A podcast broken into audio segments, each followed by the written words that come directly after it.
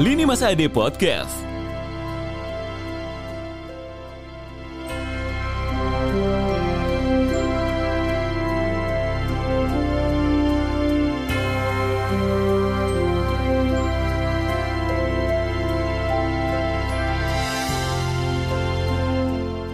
Go up and never stop.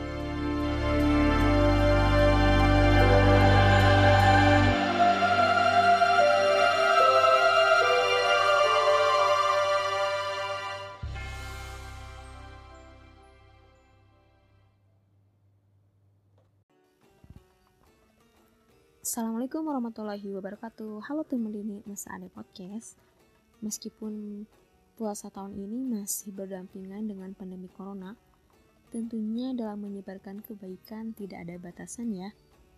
Nah berbicara kebaikan sebagai manusia yang sudah dilahirkan oleh ibu dalam kandungan selama 9 bulan Tentunya ada kebaikan-kebaikan yang telah beliau tanamkan kepada kita sebagai anaknya tapi saya tidak akan menyerempet ke sana.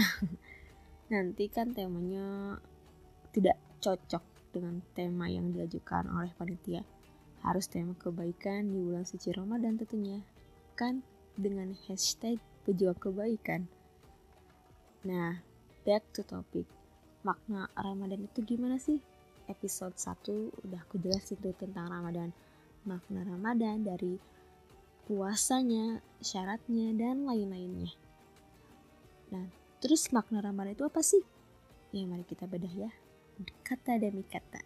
Nah, menurut Kamus Bahasa Indonesia, makna adalah arti yang intinya adalah mempunyai sebuah nilai.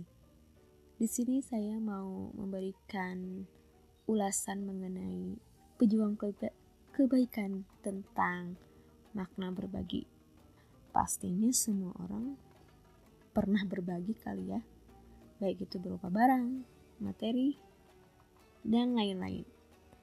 Berbagi bukan hanya soal materi, kita bisa berbagi kisah, cerita, dan hal-hal yang penting bagi hidup kita untuk dibagikan kepada orang lain. Karena setiap kita berbagi akan berdampak baik juga buat kita. Dan kita juga sering mendengar dan membaca kata tulisan sharing is caring atau let's share and care.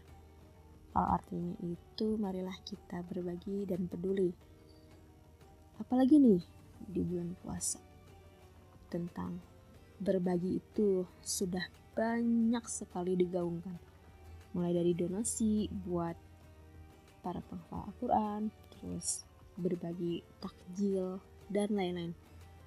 Apa pun bentuk kebaikan berbaginya, insya Allah jika diniatkan dengan ikhlas, semoga menjadi amal bagi kita di bulan Ramadan karena sekarang bulan Ramadan ini adalah bulan yang penuh berkah di mana orang berlomba-lomba dalam menggapai kebaikan.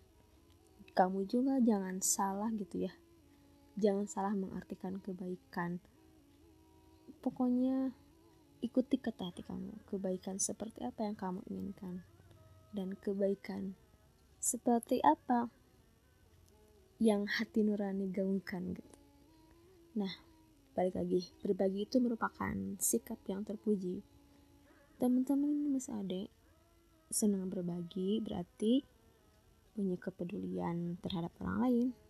Ketika kita punya harta, tenaga, dan ilmu, sementara orang lain di sekeliling kita membutuhkan ketiga hal itu, maka sangatlah arif dan bijaksana kita bisa dibagikan kepada orang lain yang memerlukan tentunya ya.